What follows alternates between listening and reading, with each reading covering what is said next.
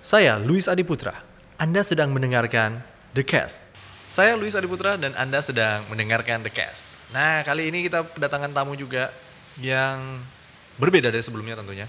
Buat Anda yang suka bertualang di alam, pasti sudah pernah menekuni hiking, mungkin trekking sendiri atau mungkin bertualang sendiri tapi sebenarnya sih perlu teman untuk bertualang. Iya, Nah, iya. mungkin ada di sebelah saya ini bisa memberikan sedikit inspirasi atau mungkin masukan untuk Anda yang gemar bertualang. Silahkan memperkenalkan diri. Eh, perkenalkan nama saya Muhammad Taufik, nama panggilan Opik. Kalau untuk mengenai berbicara mengenai adventure atau kegiatan di alam bebas, bisa saya sedikit kasih ilmu-ilmu yang saya Ya. dapatkan mengel- melalui wadah yang ditampung, wadah yang menampung saya Oke. Nah, di dalam kampus. Opik sendiri ini di wadah mana? Di kampus mana dulu nih? Kalau saya kebetulan mahasiswa kamp, mahasiswa teknik sipil kampus UMI. Kampus UMI. Nah, Siap. jadi organisasinya apa nih namanya? Kalau saya itu di kampus itu Cakrabuana Brigade 031 HMS FT UMI. Cuma Disingkat kalau cuman itu Ah. Cakrabuana. Oh, Cakrabuana. Kalau di luar dikenal Cakrabuana. Cakrabuana pun it- itu maksudnya Cakrabuana itu singkat eh, kepanjangannya cinta kreativitas bumi alam Nusantara. Wih, namanya keren. Iya, iya. Betul sih seperti eh, orang-orang di dalamnya pasti yang sangat mencintai alam juga kan. Bertualang itu Sepakat, pasti ya. dari dari dalam hati juga nih. Iya, betul. Nah, selama ini eh, sudah berapa tahun sih bergabung dengan Cakrabuana? Kalau saya bergabung di organisasi pencinta alam Cakrabuana dari tahun 2015 2015 sampai 2019. sampai 2019 kurang lebih empat tahun Berarti sejak masuk kuliah nih. Semester 2 Semester dua semester masuk saya kuliah. semester 2 pada saat awal masuk kuliah jadi Wih. masih mahasiswa baru Iya, luar biasa nih. Iya. Jadi apa yang membuat pertama kali Opik tertarik untuk apa setelah masuk kuliah baru tertarik menikmati alam atau sudah dari SMA nih? kalau berbicara basic mengenai pecinta alam itu jujur saya pada saat kuliah baru saya mengenal organisasi pecinta alam karena saya juga bisa dibilang banyak komunitas eh, atau banyak wadah yang saya masuki seperti pada saat saya di Jepur ya waktu pada saat saya SMA itu banyak komunitas yang saya masuki seperti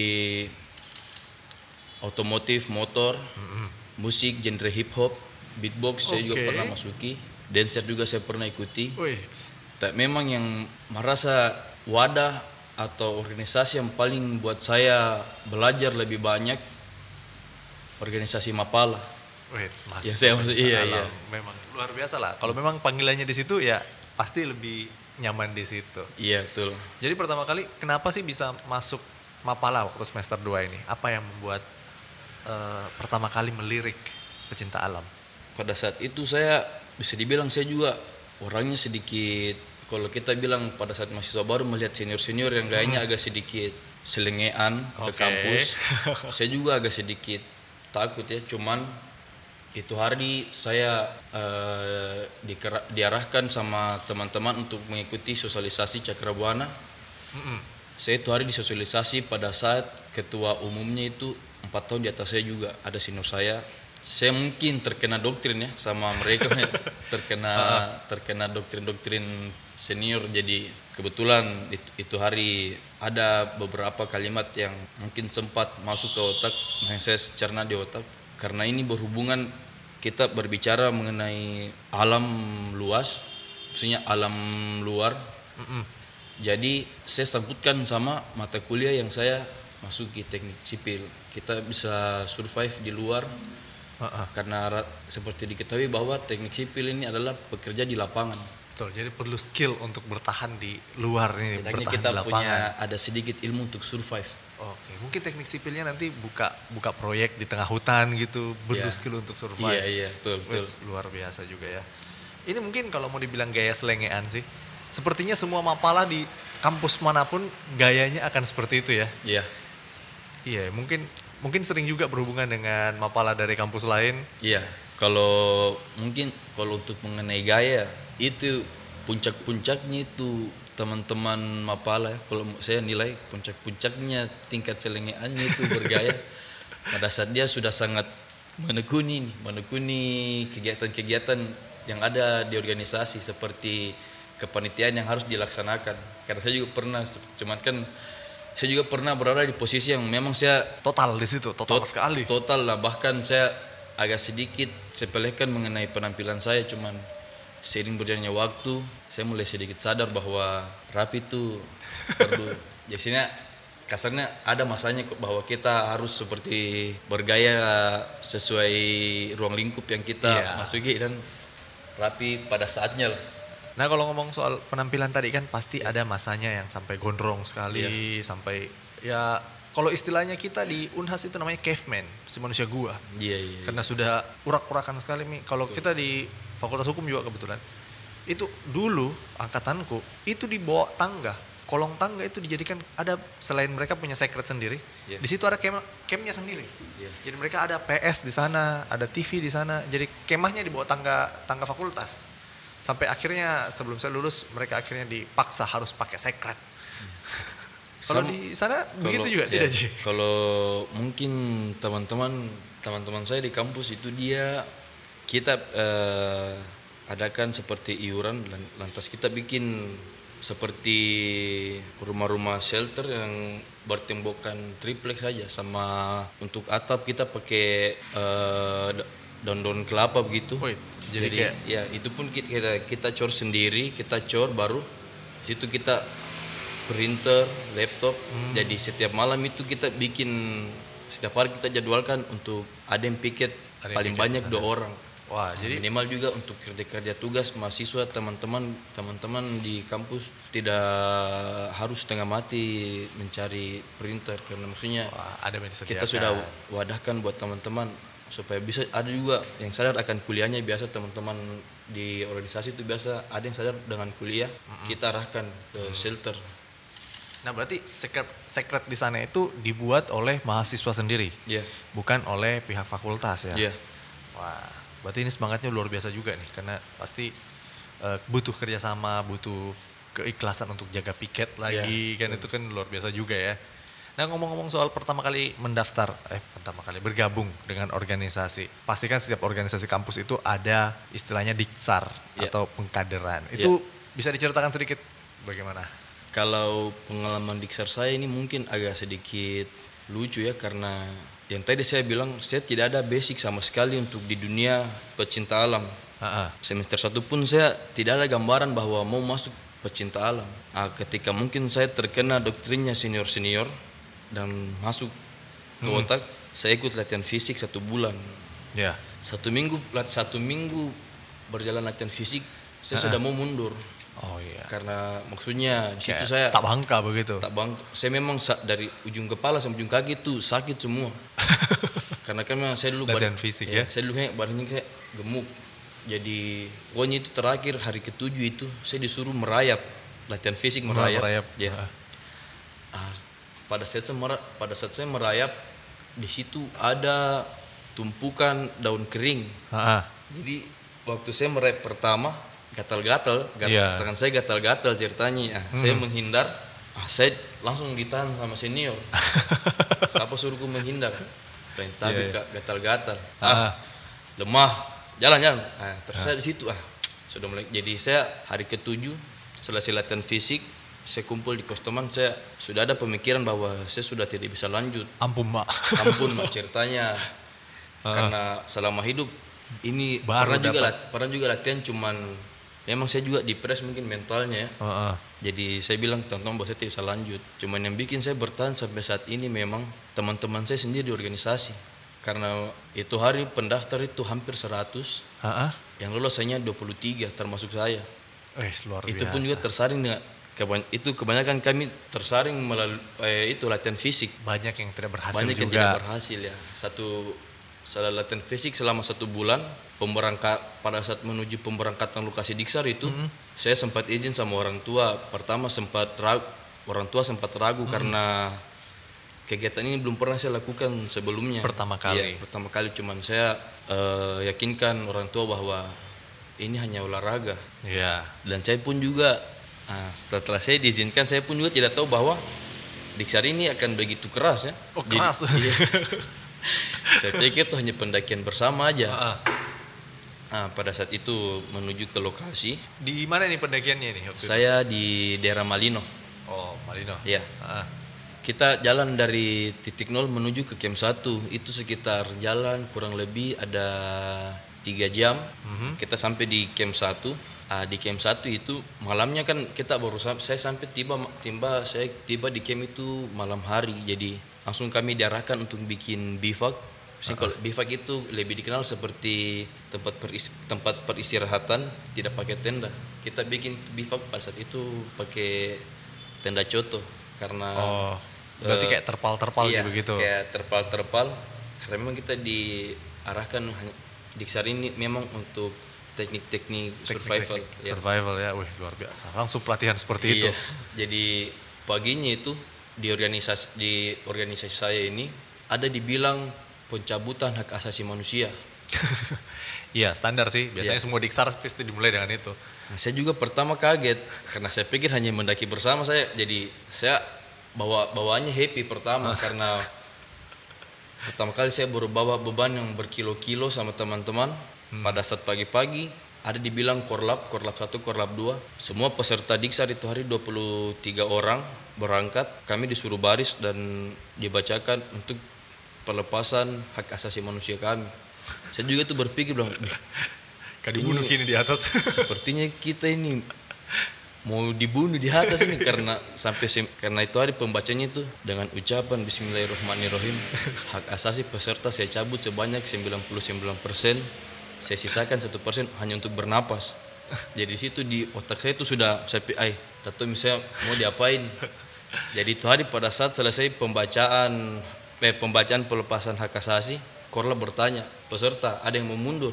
Kapannya ada angkatan? Satu orang langsung angkat juga tanganku itu hari. Kan peserta ada yang mau mundur?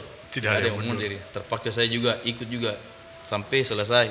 Ah, seperti mungkin seperti yang diketahui bahwa suhu di gunung atau dataran yang agak sedikit tinggi itu lebih dingin ketimbang di kota karena yang pertama itu mungkin dari segi alam sekitarnya masih banyak pepohonan yang memang mata air memang kan dari gunung. Jadi saya itu itu hari memang karena baru pertama kali mendaki saya memang tidak kuat dingin. Cuman kebetulan organisasi tidak ada sentuh fisik. Ah, ah. Cuma memang kita di pressure di mental, Mental dan fisik. Dan Jadi latihan. dan latihan. Jadi pada saat itu kami satu angkatan itu disuruh lepas pakaian kecuali celana boxer, Boxer. lah, boxer. Nah, disuruh kita lompat itu ke sungai, Berenang. merendam. Pokoknya itu kebetulan tuh sungai itu mungkin bah, dingin sekali. Pokoknya sampai auto bergetar tangan biar biar kita tidak mau bergetar cuman saking dinginnya jadi kita bergetar karena kedinginan. Itu mungkin yang Mm-mm. tidak bisa dilupa karena selama hidup itu baru saya pertama kali itu saya pertama kali itu saya dapat mata air memang yang Betul-betul. hanya jas jus dikasih di botol taruh di air yang sungai yang di Minum. diminum sudah jadi air es dia ceritanya gitu karena memang saking dinginnya tuh Iya, masih masih alam sekali. masih alam sekali dan masih sekali. segar sekali kita minum dari sumber sumbernya langsung Wih, luar biasa juga pengalamannya pasti juga Iya. luar biasa. Sampai sekarang masih diingat. Iya betul. Jadi saya itu lewat dari camp 1 sampai camp 4. Saya finish di camp 4 itu dari camp 1 menuju camp 4 ini setiap hari tuh kita pindah camp. Camp 1 kita jalan ke camp 2, kita nginap satu malam, paginya kita jalan ke camp 3 sampai kita ke camp 4. Berarti waktunya kurang lebih lima hari ya. Ya tujuh hari karena Tujuh kita, hari. Iya, kurang lebih tujuh satu minggu karena di camp terakhir kita dikasih waktu satu kali 24 jam untuk survival yang kita memang hanya dikasih parang, korek sama garam aja baru kita dilepas. Dikasih tinggal. Iya dikasih tinggal jadi ya cerdas-cerdas cerdas-cerdas tak mami supaya bisa dapat asupan gizi ada bisa dimakan Iya iya. Berarti kan sebenarnya ini adalah skill pertama. Iya, betul. Sebenarnya ini sebelum mulai lebih jauh lagi harus ada survival skillnya. Mungkin Iya. ini ini dasarnya diksarnya adalah itu ya. Iya, dengan mental. Kalau saya dengan mental ya. Iya.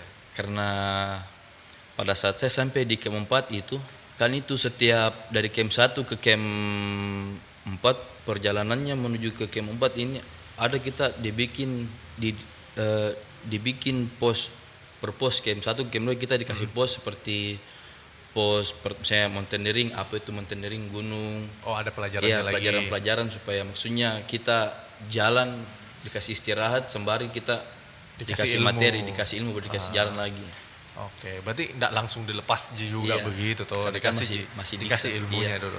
Jadi ini bagus sebenarnya, dikasih teori langsung praktek. iya betul Nah, kalau tidak bagus teorinya masuk, prakteknya juga tidak bagus nanti. betul betul.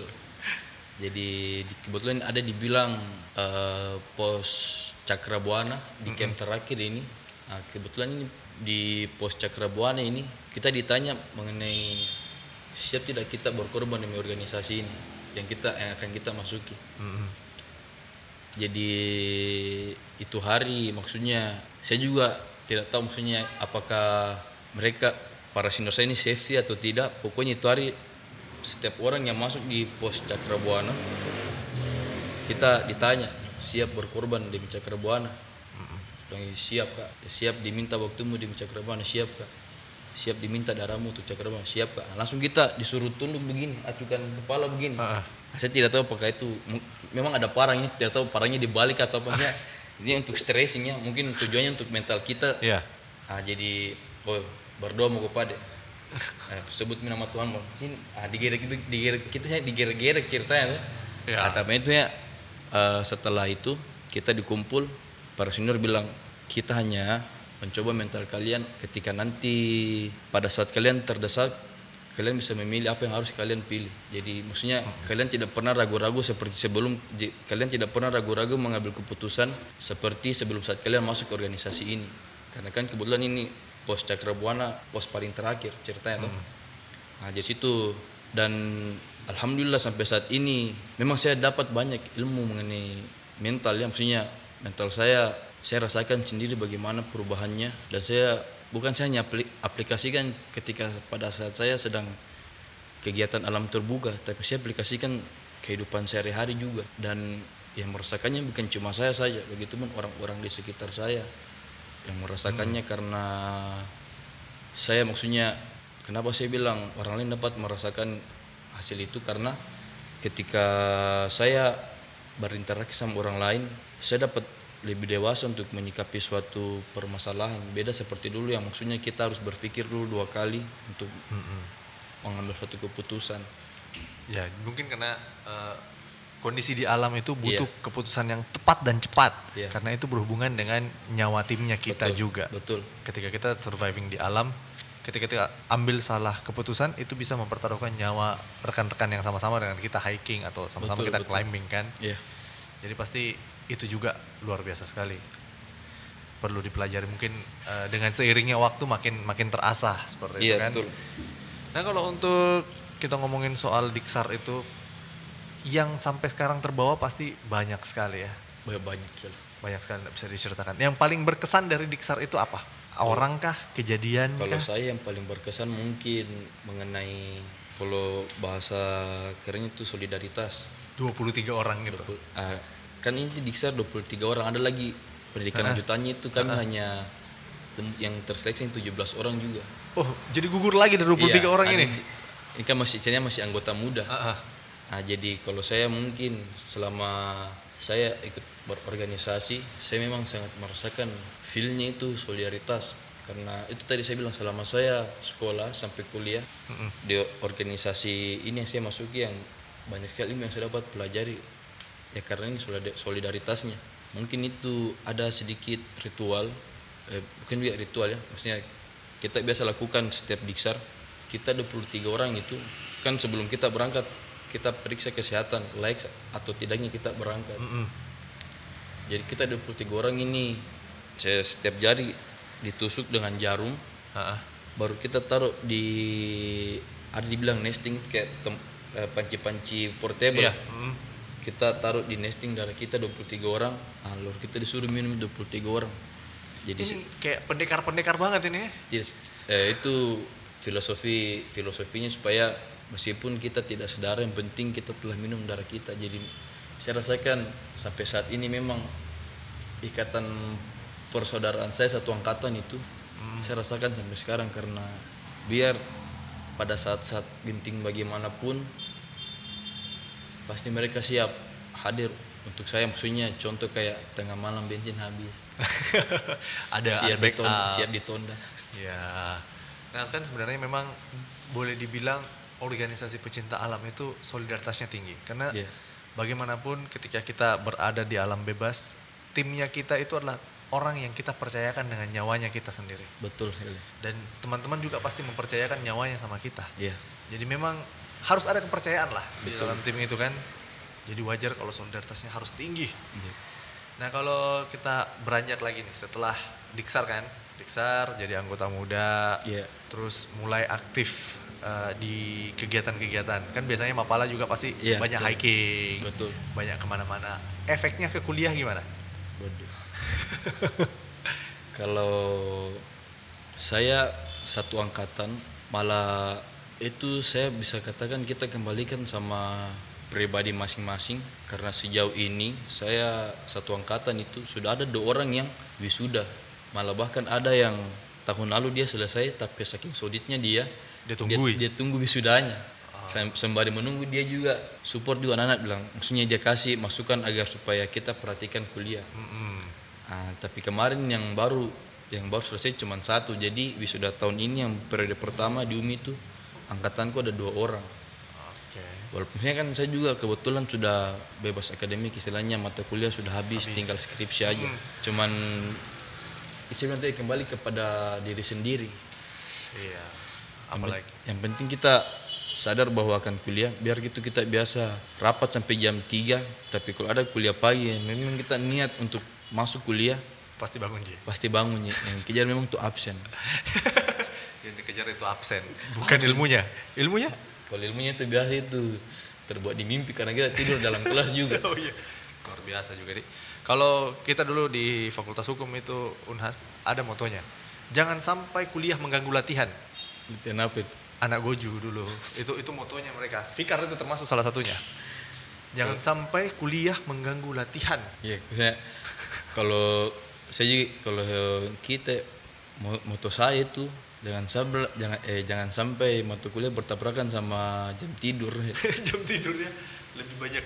Iya sih anak-anak hiking kan lebih banyak bertualang di luar dan tidak tidur ya. itu sudah Nah kalau di organisasi sendiri kan kita tahu bahwa kalau kita eh, hiking kan ada banyak macam juga nih. Iya. Wall climbing, Iya. hiking, ya apalagi yang lain nih selain selain itu. Ada ada ilmu-ilmu tersendirinya nggak kebetulan itu kalau untuk ke hiking ya mendaki itu ada beberapa maksudnya terbagi juga Mhm. ada yang memang kita mendaki hanya mendaki lembah dan dia punya em, eh, dia punya ketinggian eh, kemiringannya itu dapat kita hitung maksudnya kita bagi kelasnya Oh ada kelasnya ada kemiringannya kelas makin miring makin iya. berat. pokoknya itu ada yang sampai itu mendaki dengan menggunakan kemampuan khusus Hmm. kalau kita mendaki biasa kan hanya mengandalkan tenaga kaki Mm-mm. sampai kalau kita ada mendaki dibilang ice climbing kita mendaki di pegunungan es yang memang kita harus dituntut untuk menggunakan alat-alat memang yang Lengkap. eh, lengkap dan alat-alat yang dapat membantu kita untuk melancarkan pendakian kita seperti di pegunungan es contoh kita diharuskan untuk biasa kita memakai tongkat sama sepatu yang memang sepatu yang memang Berduri. berduri Ah, ah. agar tidak slip seperti begitu kurang sama terakhir itu rock climbing Rock climbing itu ya. memang kita manjat Wait, luar biasa. Yang manjat kan biasanya Mapala wajib punya tembok sendiri nih Iya. untuk manjat di Betul. kampus. betul Itu temboknya dibuat sendiri juga atau disediakan fakultas?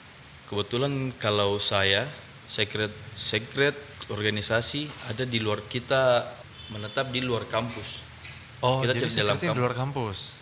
Itu ya secret di luar kampus, tapi Ah. untuk shelter, Ah, tempat- shelter. ya tempat-tempat istirahat ada dalam kampus. Tapi semua aktivitas organisasi yang harus dilakukan, maksudnya aktivitas organisasi yang butuh waktu yang lama, kita Di luar. di luar.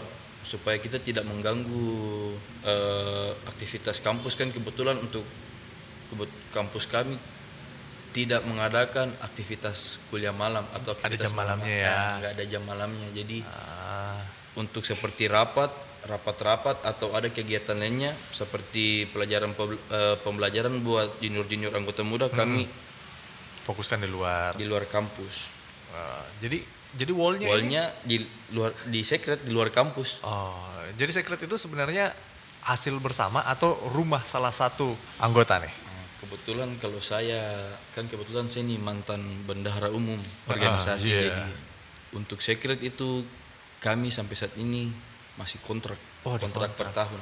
Wih luar biasa nih. Ini totalitas banget sampai dikontrak itu Iya, tempat. betul. Kalian modifikasi sampai layak Iya, sampai- jadi iya. kandangnya Mapala ini ceritanya. Betul. Jadi untuk wall atau boulder Di- Heeh. itu kita bikin pertama untuk uang itu kita bikin pengadaan eh, pengadaan wall itu kita bikin penggalangan dana mungkin untuk teman-teman yang belum tahu itu sisi asiknya orang beror- or- berorganisasi itu pada saat kita memang membutuhkan dana. Dan kita tidak dikasih maksudnya Sepeser tidak pun. sepeser pun dari kampus fakultas atau jurusan. Dari seninya kita pada saat mencari dana itu sangat didapat feelnya itu. Karena eh, saya tuh sempat jual cakar. Heeh.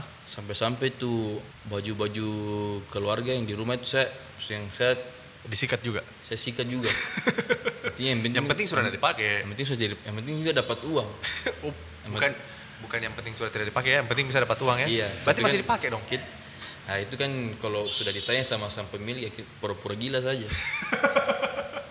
Sepertinya banyak yang Iya, digelapkan pokoknya ini. isinya ah, dari itu yang saya bilang tadi dari hal-hal bisa dibilang menyimpang itu akan jadi cerita asik di kemudian hari buat Junior-junior juga junior ya. junior saya juga. Tapi saya juga tidak mendoktrin untuk Melakukan hal yang yang sama. Cuman Heeh. di situlah suka dukanya kita. Ya, betul. seorang eh, seorang anggota organisasi mencari dana. Situ sampai kita saya pernah juga menjual keliling kampus. Kebetulan saya di organisasi di angkatan saya itu di organisasi hanya satu orang cewek sisanya itu cowok Hmm. pada saat saya penggalangan dana untuk di wilayah fakultas teknik itu masih banyak yang laku maksudnya jualan saya Masih masih kenalan, masih, masih kenal. laku ya pertama sistem kenal Heeh. yang kedua bisa kita bilang sistem Solidaritas teknik ini. solidaritas teknik sama yang ketiga sistem mahasiswa baru. Nah Beli itu kok. biasa itu kita tawarkan beli dulu le. Iya, kalau Kalau tidak ada uang mah pinjam dulu teman bisa juga utang.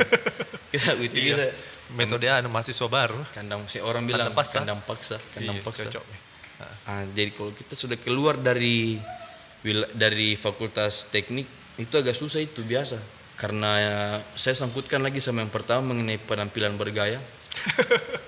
Saya pernah tuh ke ekonomi malah bahkan cewek itu kalau saya jalan di koridor Heeh. semua auto Buka jalan? auto buka jalan. Wih. Kalau kita tawarkan langsung kayak "Ih, apa kan?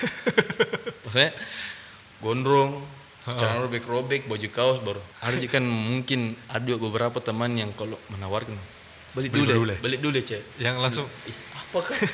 Jadi kebanyakan tuh orang takut lihat kami, cuman ada memang beberapa eh, beberapa orang di angkatan saya dia mungkin agak sedikit lebih cara komunikasinya lebih lebih halus. lebih halus jadi bilang sempat mau bantu-bantu penggalangan Iya. dana. Yang Oh, itu yang apa? didorong di. itu yang dikasih tim marketing. Oh iya itu. Jadi kita ini yang barang-barang besar bawa bawa kartunya saya sama minuman barang yang jualan jadi. dia, bawa barang jualan. Cuman itu yang jadi sampai sekarang itu banyak yang diikuti sama organisasi juga di luar kami karena Iya. saya itu dari 2000 start 2015 itu saya jual begitu. Mm-mm. Karena kan muda. ya pasti harus cari dana kan bagaimanapun tidak cari mau. dana. Ya met- metodenya ya pasti harus jualan bazar Betul, ataupun bazar. apa pun itu kan jualan. Jangan Salah sampai cuma cuman nongkrong di lampu merah. Ya, betul. Terus pasang spanduk terus minta duit. ya Itu sangat sangat tidak akademis sekali, tidak cerdas sekali untuk mahasiswa sebenarnya. itu itu juga makanya yang kami hindari karena pertama disadari bahwa pasti akan berdampak sama efek lalu lintas Mm-mm. Eh, dan yang kedua juga keselamatan peserta atau keselamatan teman-teman kami karena Nanti tiba-tiba ada yang tabrak. kita tidak tahu bagaimana pengendara-pengendara ini cara Bawa kendaraannya. bawa kendaraannya ada kan Betul. juga biasa yang Kajili-jili, kajili-jili ada yang berhenti tapi berhenti Pate. karena ada orang mau menyeberang ah patek mie keluar. lambung lagi orang Ya, biasa juga. Banyak-banyak sih Ya, itu yang itu. itu yang kami hindari makanya kami biasa lebih berkreativitas di dalam kampus dengan cara itu menjual menjual minuman yang penting Betul. kita karena yang penting kita tidak memajak atau makan uang kosong karena memang itu Iyalah. sangat diharamkan bagi Betul. kami. Karena kan malak dong itu. Malah, Jadi mati-matinya kan tidak berkah ceritanya rezeki Iya. Apalagi kalian pakai manjat gunung, hilang kok di gunung. Itu juga biasa juga sering terjadi hilang-hilang di gunung itu ya itu juga dah. Oh ya, kalau kita membahas hilang-hilang di gunung ini, itu Ya. kan kita bisa percaya atau tidak. Ada kadang-kadang suasana-suasana mistis juga. betul kan Pernah dialami secara pribadi tidak? saya sudah merinding duluan Belum diceritain. Jadi pengalaman mistis saya pada saat mendaki itu, itu hari kebetulan saya berangkat ke Latimojong, antar ji- eh, saya mendampingi junior saya di bawah saya untuk diksar. Dan kita tidak melewati jalur umum. Memang kita ada jalur sendiri, ini jalur angin-angin. Jadi jalurnya itu tidak istilahnya tidak bukan, pak- ya. bukan untuk orang umum begitu, Iya. tidak ada stapaknya Ya, mungkin. di pada saat itu kami istirahat di camp 2 ada junior kesurupan. Nah, itu itu juga sebenarnya yang perlu ada bekalnya buat teman-teman Hmm. harus punya minimal kita pintar berdoa atau mendekatkan diri sama Tuhan ya. Iya. Ah, saya juga kebetulan itu hari yang paling vokal baca doa ini sama junior saya yang kesurupan ya. Nah, ah. Sampai saya bacakan doa itu sampai-sampai saya diancam itu sama yang masuki junior saya saya percaya tidak percaya karena itu hari saya juga pas berdoa di samping telinganya langsung balik ini junior dan bilang gi- itu saya ingat sekali itu yang tidak terlupakan karena langsung ke face to face di. pelototi itu baru dia bilang kau nah kutandai ku pokoknya Bah. tapi kan kita maksudnya saya juga itu hari mungkin juga pengaruh organisasi yang mental tidak boleh jatuh Iya. saya juga saya juga tambah tertantang saya bilang iyo sini mau ku keluar tandai mah ah, pada saat itu langsung jadi dua orang kesurupan langsung junior saya dua orang malah bertambah cuman ya mungkin Tuhan masih beri kita kepercayaan untuk dapat melindungi adik-adik ada juga memang beberapa senior eh, senior kami yang mungkin dia doanya agak sedikit lebih baik. Akhirnya adik-adik kami juga dapat terselamatkan walau keesokan harinya fisiknya agak sedikit Drop. drop. Tapi kita pancing ke keluar semangatnya dengan kita bikin senam Mm-mm. senam-senam setidaknya supaya Lebih fresh ya. lebih fresh dengan terlepas ki dengan pikiran yang terjadi tadi malam jadi hanya fokus untuk mendaki saja untuk pendidikan saja Betul. Sebenarnya kayak begitu juga kayaknya. Selama mentalnya kita kuat juga ya. siap betul Mereka itu biar bagaimana manusia adalah ciptaan yang paling mulia. Jangan takut. ah betul sekali Itu juga kayaknya jadi pelajaran tersendiri dari Betul. Diksar itu ya. betul betul Jadi selain selain pengalaman itu apa lagi nih? Ada cerita-cerita menarik yang Kalau- pernah dialami sendiri. cerita menarik yang pernah ini mungkin agak sedikit Mm-mm. lucu ya karena saya pernah kita diarahkan untuk bikin bivak alami bivak alami itu yang di mana kita bikin Pakai daun. tenda ya kita bikin pakai daun Ah. cuman kita kan bikinnya pada saat malam hari Ah, oke. pada saat saya pendidikan itu ada empat tim masing-masing bikin bivak alami. Kebet- mungkin ini bivak yang dibikin terlalu berkamuflase sama alam sekitar jadi teman saya ini kencing pas di atas bivak saya Iya kan? Empat ya. empat Dia jalan keluar, baru put dia lihat semak-semak. tempatnya itu tempatnya kita dibikin sekitar dibikin kita dikasih tempat sekitar berapa meter nah situ kita pilih eh, lokasi mana mau dibikin jadi kita ini shuffle acak tempatnya Ah, ah. ya kita juga tidak saya juga tidak tahu Tidak tahu Malah bahkan- yang lain di malah mana. bahkan saya lupa bivak yang mana saking Saking miripnya. saking miripnya karena kan kalau kita diarahkan untuk orang bikin bivak tidak boleh terlalu tinggi supaya angin Angin tidak, tidak ambil masuk dan tidak kita tidak terlalu kedinginan atau kita agak sedikit lebih hangat ketika beristirahat. Ya. Nah pada saat itu malam-malam saya ambil air, saya center kenapa ada teman ada teman berdiri di belakang bivak tapi mengarah ke bivak. Saya, ih, ada saya, saya ternyata dia kencing kencingi bivak saya. Nah itu juga jadi Jadi pasti heboh malam itu. Eh, kenapa aku kencing? intinya langsung kasih robo juga bivaknya langsung. Jadi akhirnya ngulang, ngulang sama-sama bikin bivak ulang ya. sama-sama pindah lokasi bivak. Aduh, luar biasa. Banyak, Saking, saking banyak, alaminya banyak. ya. Iya, pokoknya gelap banyak. juga kan Betul, nggak kelihatan. gelap tidak kelihatan.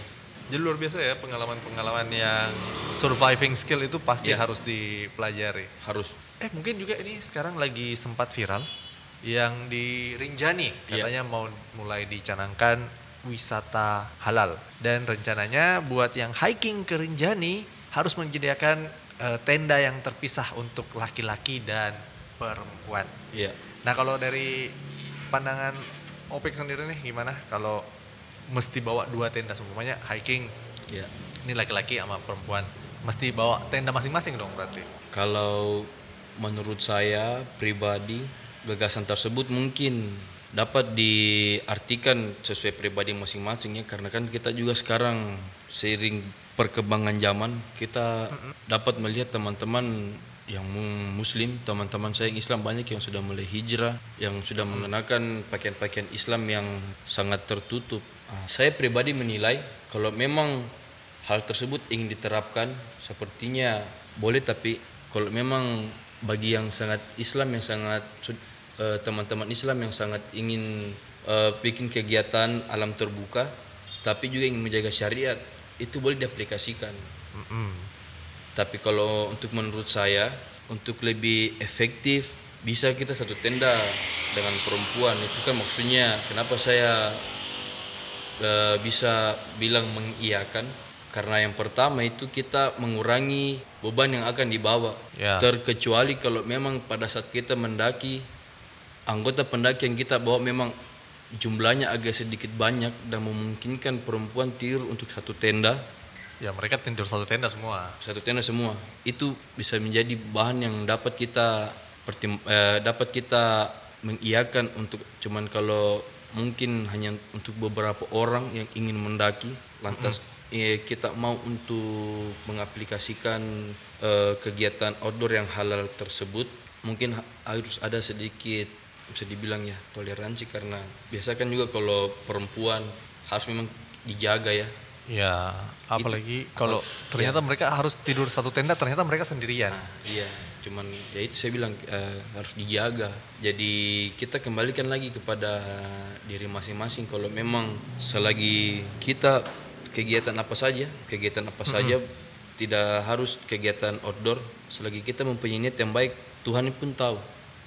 Ya. Tuhan pun tahu dan pasti mungkin ada ada pasti ada sedikit toleransi. Ya begitu. Jadi kalau menurut saya Lagi pula kan kalau dalam tenda pasti kan kita masih pakai sleeping bag lagi kan? pakai sleeping bag. Ya, Sebenarnya itu. juga tidak bersentuhan juga Iya. sebenarnya kan. Full sleeping bag tutup. sleeping bag itu sudah kita istirahat jadi makanya Iya. itu eh, eh, penggunaan sleeping bag itu sebenarnya sangat bagus yang pertama untuk kasih hangat yang kedua untuk sedikit untuk mengskak antara bersentuhan secara langsung jadi mungkin kita Iya. bisa ambil jarak Jadi kayak tidur sardennya bagus lah. Iya. Tidak makan tempat Iya. yeah. misalnya temannya sama betul rata. begitu rata dia ceritanya Iya, apalagi kan satu tenda paling muat empat orang ya paling banyak. ya tergantung sih ada juga yang sampai 10 juga ada Bisa sampai pernah 10? dapat sampai 10 Wah, jadi kalau kan rugi juga kalau bawa tenda Iya. untuk 10 orang tidurnya yang, yang itu hanya lima orang juga itu Iya. setengah mati juga besar ya di bawah pasti. besar dan berat Hmm, Jadi memang pertimbangannya adalah kenapa kalau bisa menghemat tenda itu kan meringankan juga beban Iya, carol yang dibawa betul. kan daripada harus bawa sendiri-sendiri itu juga lebih berat lagi. Iya. Nah, oke kalau mau dibilang seperti itu ya toleransi kembali ke individualnya Iya, lagi sih. individualnya. Cuman kalau memang ada teman-teman yang sudah berhijrah dan ingin memang mengikuti syariat Islam, itu pun juga tidak menjadi masalah ya. Mm-mm. Setidaknya dapat mengajak atau membawa anggota yang memungkinkan teman-teman kita yang perempuan teman-teman tem- perempuan yang ingin, yang ingin melakukan kegiatan alam terbuka tidak merasa sendiri dan tidak merasa ke- tidak perlu merasa ketakutan tidur sendiri di tenda maksudnya dengan catatan dia membuat teman perempuan yang lain tidak harus juga teman ini juga hij- maksudnya Islam Iya, hijrah. maksudnya sama-sama wanita lah. Lagi sama wanita yang untuk dapat menemaninya di dalam tenda karena Iya. biasa juga itu itu sebenarnya kita tidak terlepas sama makhluk eh, makhluk-makhluk tetangga yang ada di luar sana yang memang mungkin masih Iya. sangat istilahnya mereka sudah Karasa. Iya bersarang di sana ceritanya Iya, jadi biar bagaimana ya butuhlah teman untuk hiking Butuh di mana pun teman, itu. tetap betul, Untuk butuh perjalanan alam itu perlu teman, tidak bisa sangat sendiri. sangat butuh teman Itu kasusnya yang sendiri itu, yang sampai difilmkan kan, yang mesti potong. iya itu kan gara-gara hiking, gara-gara berkeliaran sendiri iya, kan. itu kan itu Gak yang bilang bilang-bilang lagi. gara-gara gara-gara dia melakukan aktivitas alam terbuka tanpa sepengetahuan orang siapa pun Heeh. itu juga yang biasa membedakan kita organisasi pecinta alam sama pendaki-pendaki biasa karena kita kalau memasuki organis- organisasi pecinta alam kita diwajibkan untuk menyurat pada saat ingin melakukan Aktivitas. aktivitas alam terbuka contoh ketika kita ingin mendaki Mm-mm. panjat tebing atau masuk gua kita harus menyurat alat apa yang akan kita bawa mungkin kebetulan kalau alat harus menyurat kan ada juga inventaris Oke. secret inventaris eh, organisasi siapa-siapa yang pergi dan Jalurnya. berapa lama waktu yang kita estimasikan atau kita planningkan untuk ke depan. Jadi contoh kalau tiga hari ki- kita menyurat untuk tiga hari ke depan, lantas lewat dari tiga hari tidak ada kabar, Mulai mencari. pasti organisasi bikin tim rescue. Iya, berarti tidak benar ini. Iya pasti kita per tiga hari pasti kita hubungi rekan-rekan organisasi yang berangkat kita hubungi. Heeh. Kalau memang tidak ada kabar dan tidak ada maksudnya sudah tidak ada tidak ada sekali info yang bisa kami dapat, kita langsung segera membentuk tim res, eh, tim rescue. Tim rescue ini gunanya untuk mencari, ini teman-teman organisasi yang sedang melakukan alam terbuka. Jadi biasa itu kalau banyak kasus yang mungkin teman-teman sering dengar bahwa banyak orang yang paling parah terburuknya itu sampai meninggal itu rata-rata memang orang yang hanya ingin camping-camping ceria atau yang ingin coba-coba yang memang mungkin Perlengkapannya kurang, perlengkapannya kurang, persiapannya persiapan kurang. Mm-mm. Makanya itu ada materi nah, PPAT persiapan perjalanan alam terbuka yang itu harus memang betul-betul walaupun eh, ada teman-teman yang tidak mengikuti eh, tidak mengikuti satu organisasi pencinta alam setidaknya harus cari orang yang memang memasuki organisasi tersebut untuk minta kisi-kisi ceritanya untuk minta kisi-kisi agar Panduan lah begitu, Dik. agar kita melakukan aktivitas alam terbuka tidak kosong-kosong dan ada bekal Mm-mm, bahaya, bahaya kayak gitu ya. seringnya kita lebih ada persiapan Hmm, betul betul. Karena biar bagaimanapun perlu minimal sedikit lah keahlian untuk ya betul ya minimal melihat arah apalagi di hutan Ya, betul. tidak kelihatan matahari. Betul. Terus ternyata naik ke hutan udah bawa kompas itu kan cari Ya, mat, betul. cari gara-gara namanya. Minimal konsep paling minimal tuh fisik harus disiapkan karena Iya. banyak kita dengar berita bahwa fisik itu kekurangannya persiapan fisik sampai-sampai banyak teman-teman mendaki drop Mm-mm. kecapean sehingga di jalur istirahat dan bahkan Hipotermia. hipo itu tadi terburuknya sampai Mm-mm, meninggal meninggal. Kalau sebelum kita akhiri nih, waktu kita sebenarnya tinggal sedikit lagi. ya Sebelum kita akhiri, pernah dengar kasus yang eh, mereka manjat gunung, terus ada temannya yang ditinggal ya di pos berapa itu? itu kalau kondisi seperti itu sebenarnya menurut Opik sendiri tuh gimana sih? saya menyalahkan yang Yang tinggal itu, yang kasih tim tinggal. yang tim yang kasih tinggal Iya pastilah. karena kenapa biar keadaan biar keadaan anggota tim seburuk apa pun seburuk apa pun itu kita tidak bisa tinggalkan ini rekan tim kita teman tim kita yang maksudnya dalam Sama-sama start ini. Iya dan memang mungkin kan dia tidak bisa lanjutkan perjalanan. Kalau perlu kita Kawal belok kanan balik arah pulang kita balik kanan balik arah pulang karena kita eh, kita ketahui kita pegang ini nyawanya orang. Betul. Keselamatannya orang lain. itu makanya saya bilang mungkin ada teman-teman yang ingin melakukan perjalanan alam terbuka mendaki atau segala macam setidaknya teman-teman harus mempunyai rekan eh, eh, teman-teman mempunyai rekan-rekan yang ada memang basicnya di pecinta alam minimal dia pasti dia akan kasih tahu apa-apa yang harus disiapkan dan kapan waktu yang harus yang bagus untuk berangkat. Karena kan biasa kita berangkat dalam kondisi hujan malah jalur pun tidak kelihatan.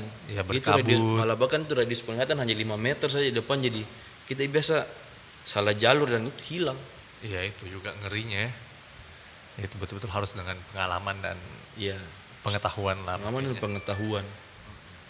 Nah mungkin eh, sebelum kita akhiri nih ada mungkin sedikit pesan dari Opik kepada mahasiswa baru atau mungkin pecinta alam di luar sana yang lainnya.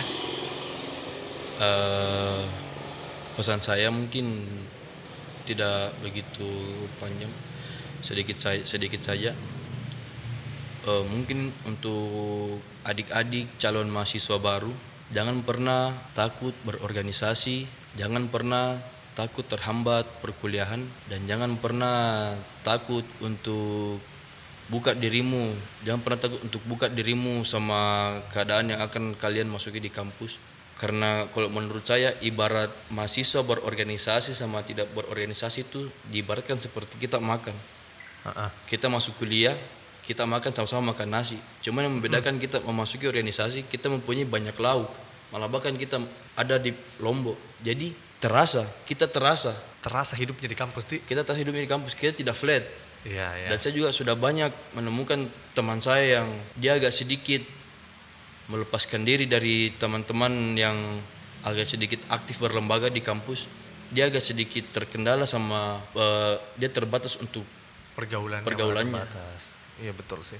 Karena organisasi itu juga sebenarnya penting selain berinteraksi Sangat. dengan teman-teman mahasiswa, junior, senior. Kadang-kadang kan juga ada dosen yang terlibat di sana. Iya, Jadi betul. itu juga membangun relasi sih sebenarnya ya di Iya. organisasi kampus. Dan mungkin juga tambahan dari saya sedikit, jangan takut bergaul sama senior Mapala.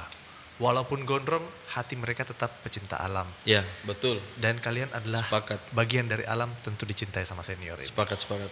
It's ada Instagram mungkin yang ingin dipromokan atau Twitter atau apa gitu. Foto-foto alamnya mungkin.